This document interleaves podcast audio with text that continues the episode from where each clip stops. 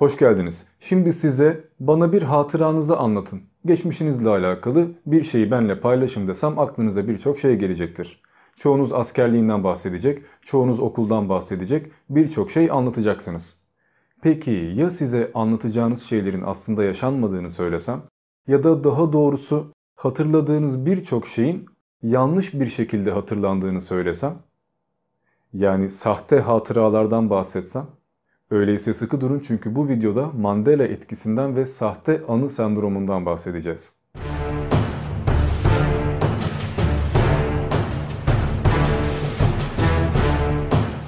Mandela etkisi özetle şöyle. Bir şeyleri yanlış hatırlamak. Şimdi bu normal gelebilir. Ne var canım? Her şeyi de doğru hatırlayacağız diye bir şey yok. Çocukluğumla alakalı bir şey anlatacak olsam yarısı silik olacaktır. Bu normal diyeceksiniz.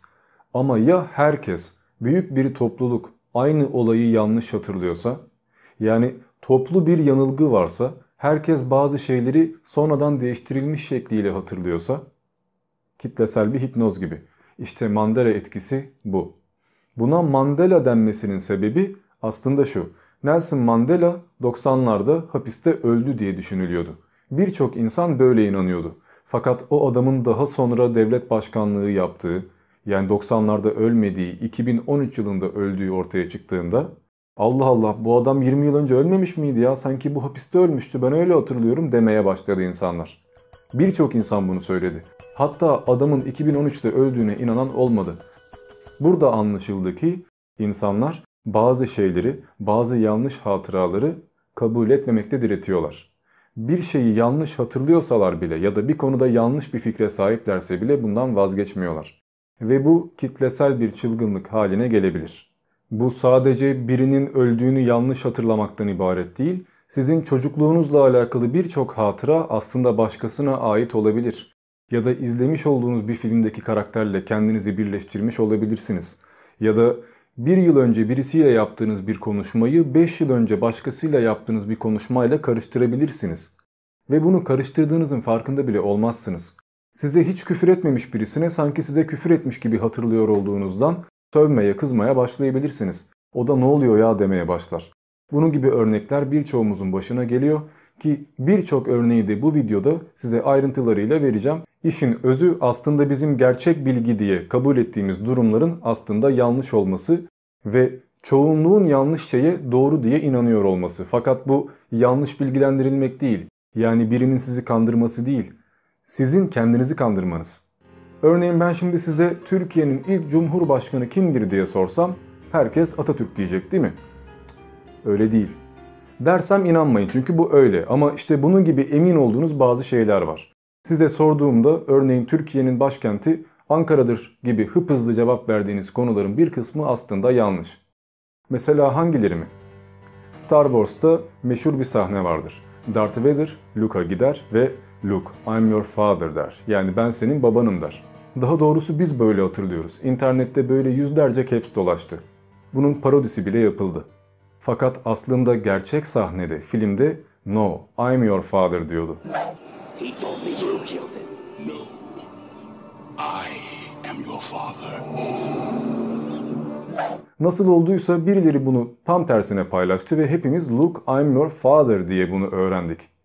Ya da bir örnek daha verelim. Lord of the Rings'te Yüzük Kardeşliği'nde yani Yüzüklerin Efendisi'nde Gandalf'ın Balrog'la savaştığı bir sahne vardır. Gandalf tek başına kalır ve arkadaşlarına kaçın ahmaklar, run you fools der. Ama aslında fly you fools diyormuş ve biz niyeyse bunu run you fools diye hatırlıyoruz.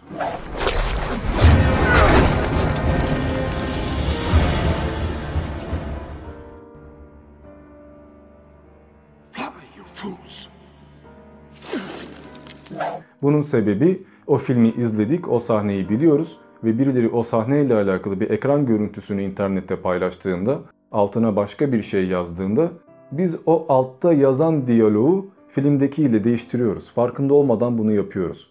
Bildiğimiz şeyler yer değiştirmeye başlıyor. Yani beynimiz bizi kandırmaya başlıyor.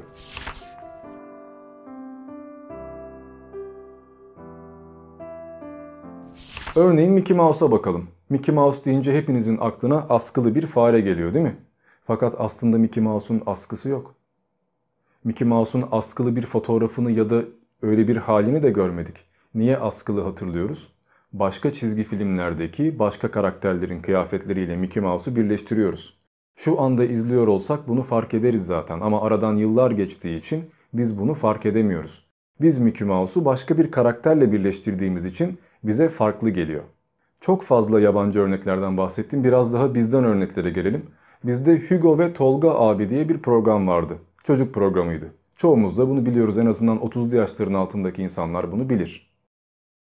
Bununla alakalı bir efsane vardır. Sözde bir programda bir çocuk oyunu kaybeder, sinirlenir.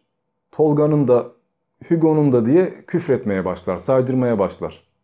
Ya en azından böyle bir efsane var. Daha doğrusu böyle bir gerçeklik olduğuna inanılıyor. Hatta benim birçok arkadaşım gerçekten de o programı çocukken izlediğine ve öyle bir olayın yaşandığına yemin ediyor. Ben gördüm, şahidim diyor.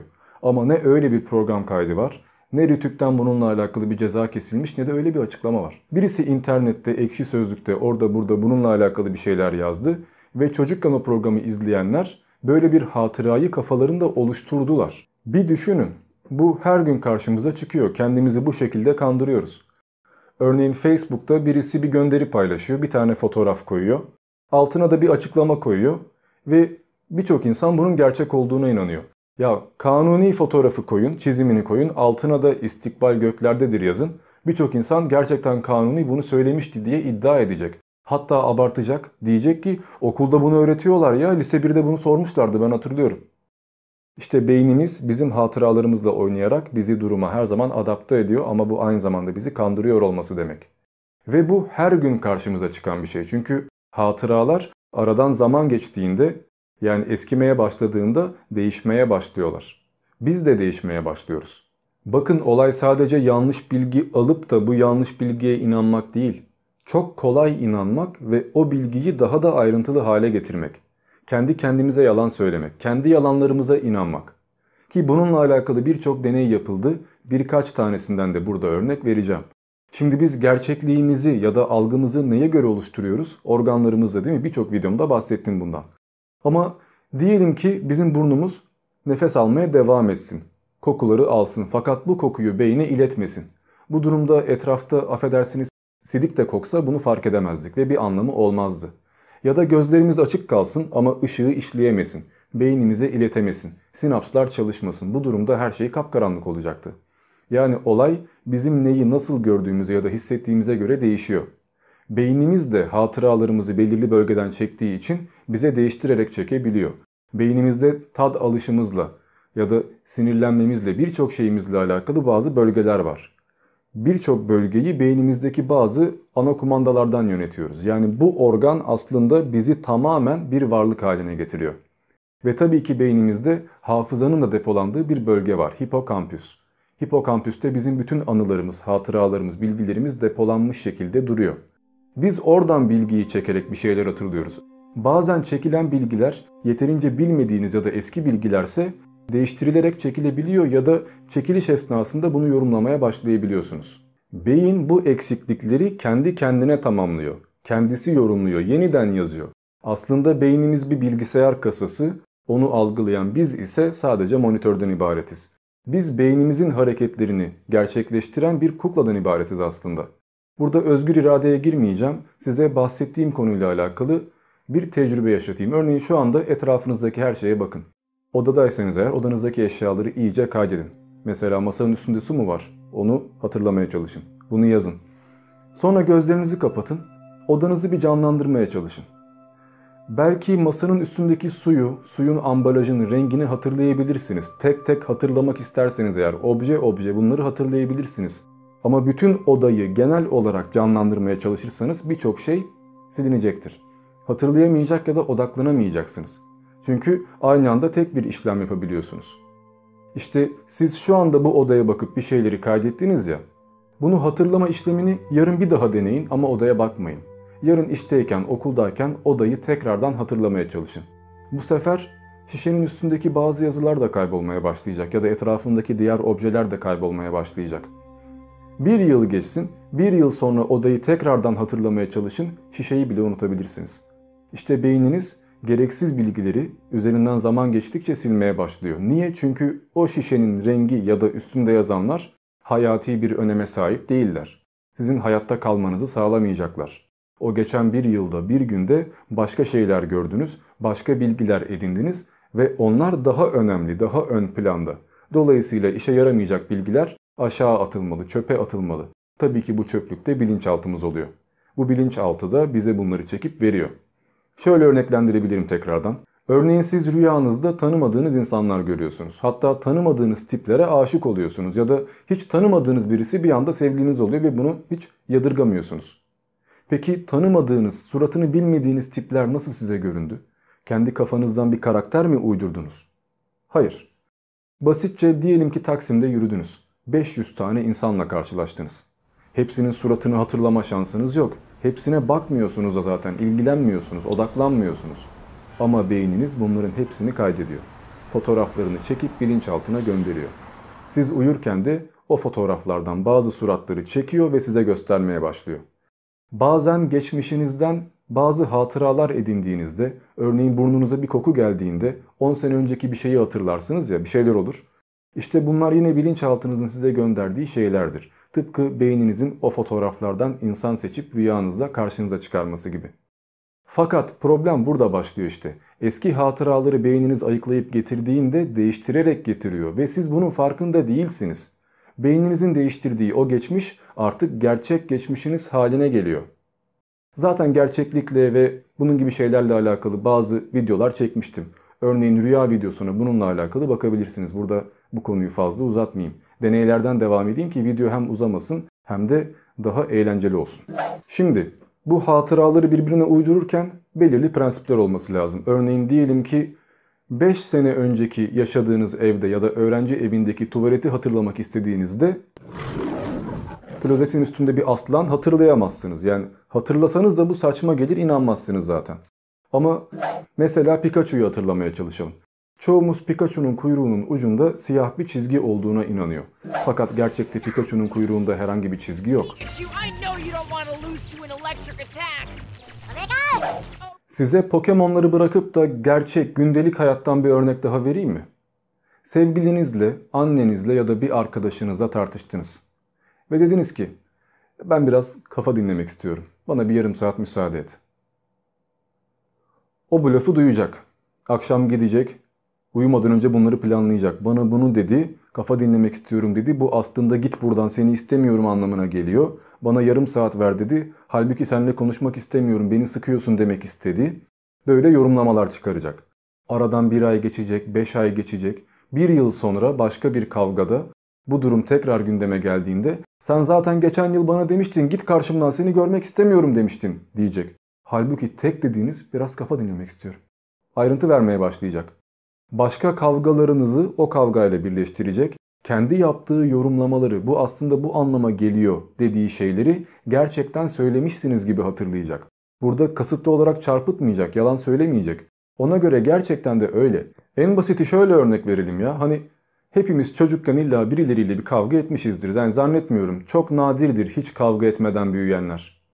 Bir arkadaşınızla kavga etmişsinizdir. Ona topu topu bir tane yumruk atmışsınızdır. Sonra ayırmışlardır. Aradan 10 yıl geçer.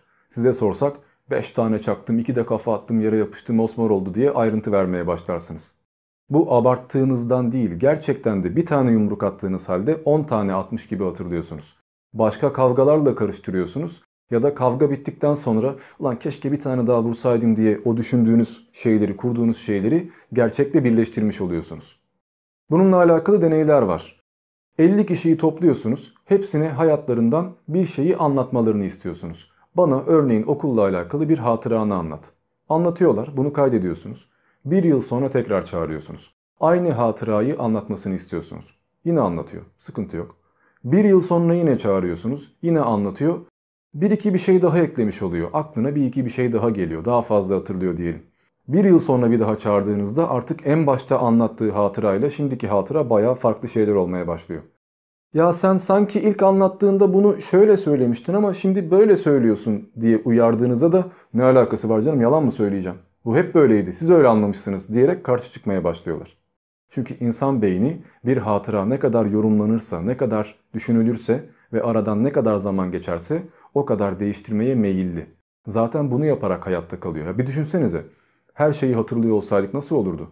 Bebekliğimizi hatırlasaydık, bütün her gün gördüğümüz insanları, okuduğumuz bütün kitapları. Gerçi kitapları hatırlamak eğlenceli olabilirdi çünkü birçok şeyi unutuyoruz ama bunu böyle varsayın. Size bir şey sorduğumda aklınıza 5 milyon şey gelecekti ve beynimiz bunu bu kadar hızlı işleyemeyecekti. Mavi ekran verip çökecektik. Dolayısıyla beynimiz her şeyi basite indirgeyerek ayıklamak zorunda.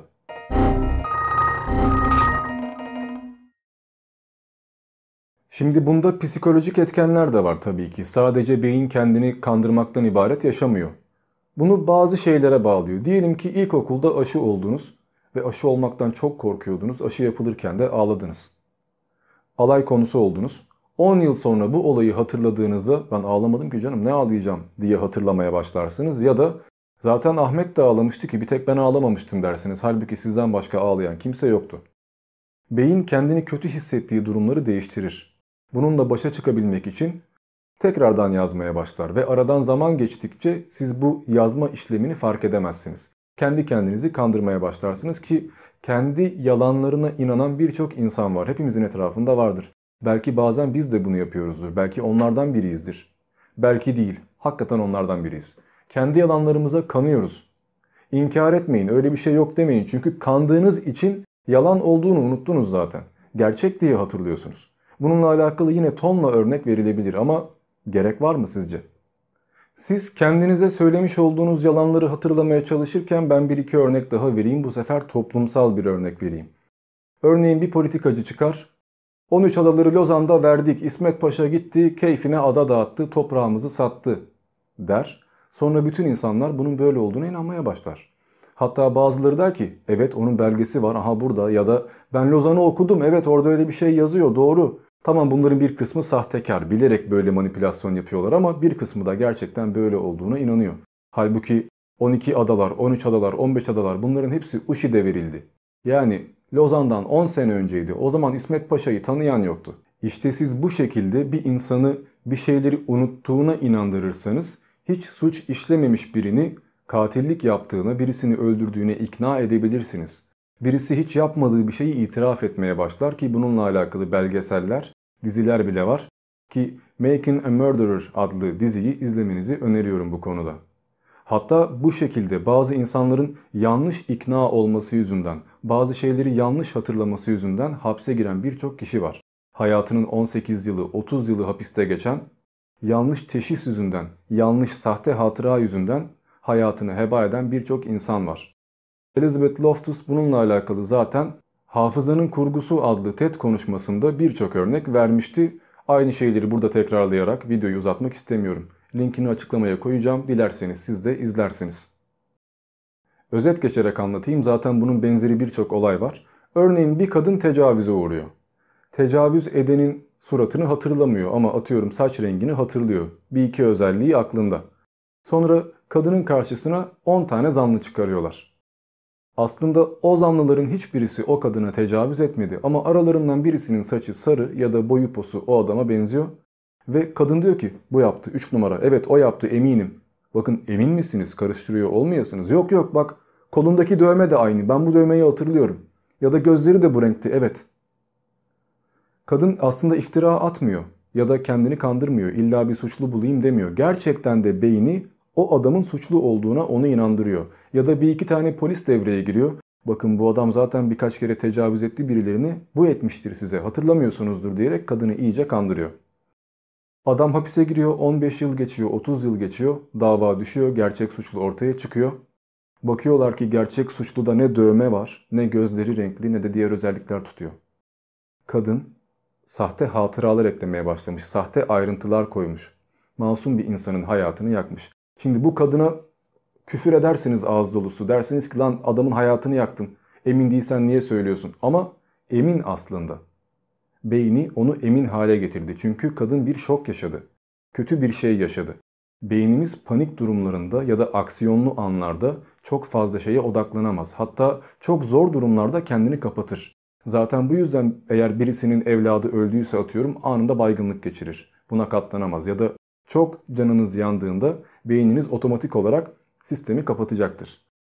Şok durumlarında, kötü durumlarda beyin ayrıntılara odaklanamaz ve ileride bu ayrıntılar değişmeye başlar. Ki bununla alakalı da bazı çalışmalar var zaten. Beyin nasıl panik halinde kendisini değiştiriyor.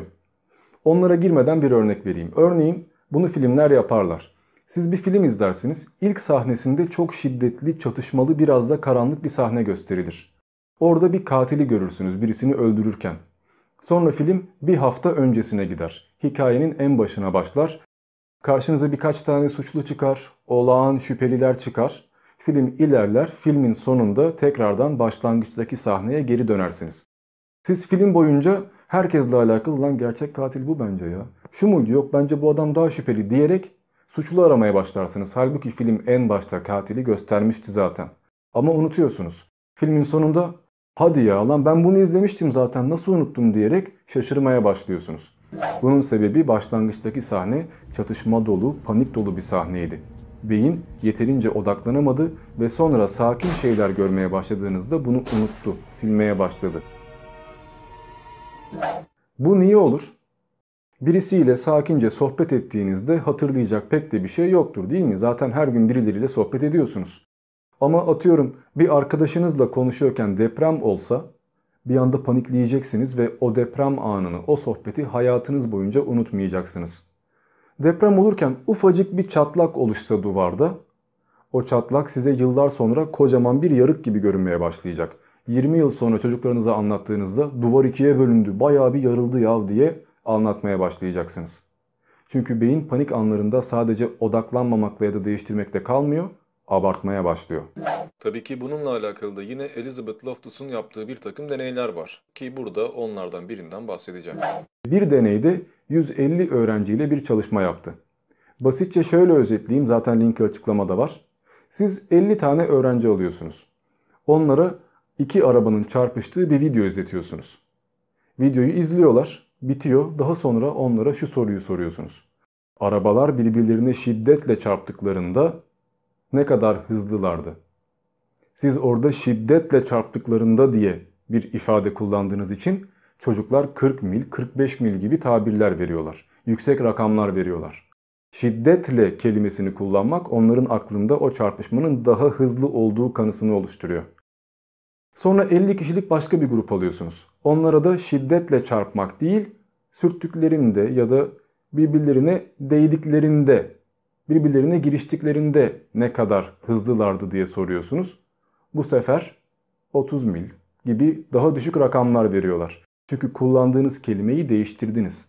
Daha sonra kalan 50 kişilik gruba da şunu soruyorsunuz. Arabalar birbirlerine çarptıklarında etrafa ne kadar çok cam sıçradı? Etraf ne kadar dağıldı? Aslında videoda camların kırılması, etrafa dağılması gibi hiçbir şey yoktu. Ama siz onlara kırılan camlar varmış gibi bir soru sorduğunuz için onlar bir anda camların kırıldığını hatırlamaya başladılar. Daha önce izlemiş oldukları filmlerdeki görüntüler bu görüntülerle birleşti ve gerçekten de sanki orada camlar dağılmış, arabalar felaket birbirine girmiş gibi cevaplar vermeye başladılar. Hatta ayrıntı verdiler. Bir cam şu tarafa girdi, şurada fazla vardı, burada biraz daha az vardı gibi ayrıntılar verdiler. Buradan görülüyor ki eğer birileri şiddetli bir şeyi izliyorlarsa, önemli bir şeyi izliyorlarsa ve siz onlara onunla alakalı sorular sorduğunuzda kelimeleri değiştirirseniz kelimelerin bu konuda bir etkisi olacak. Nasıl hatırlıyor olduğunuzu kelimeler ve anlamları değiştirecek. Örneğin bunu haber kanalları da yapar. Diyelim ki bir belediyede bir kaza yaşandı ve 10 kişi öldü. Haber kanalları şu belediyede 10 kişi öldü, can verdi şeklinde bir anlatım sunmaz. Hayatını kaybetti der. Bunun gibi tanımlar kullanır. Çünkü ölüm kelimesi negatiflik çağrıştıracaktır. Tepki yaratacaktır. Ama hayatını kaybetti gibi şeyler söylerseniz o kadar da dikkat çekmeyecektir. Buradan anlaşıldı ki hem kırık cam örneğiyle hem de hayatını kaybetti ya da şiddetle çarptı gibi kelimelerle insanların neyi nasıl hatırlayacağını ya da olmayan bir şeyin gerçek olduğuna nasıl inandırılacaklarını bilebiliyorsunuz.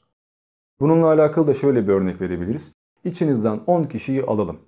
Hepinize diyelim ki ya çocukken seni şu parkta birisi kaçırmıştı ya da kaybolmuştun. Sonra Mehmet amca bulmuştu hatırlıyor musun ne kadar korkmuştun. Çoğunuz böyle bir şey hatırlamayacaksınız. Ama Mehmet amcayı da getirirsek ve Mehmet amca derse evet oğlum ben seni buldum o gün.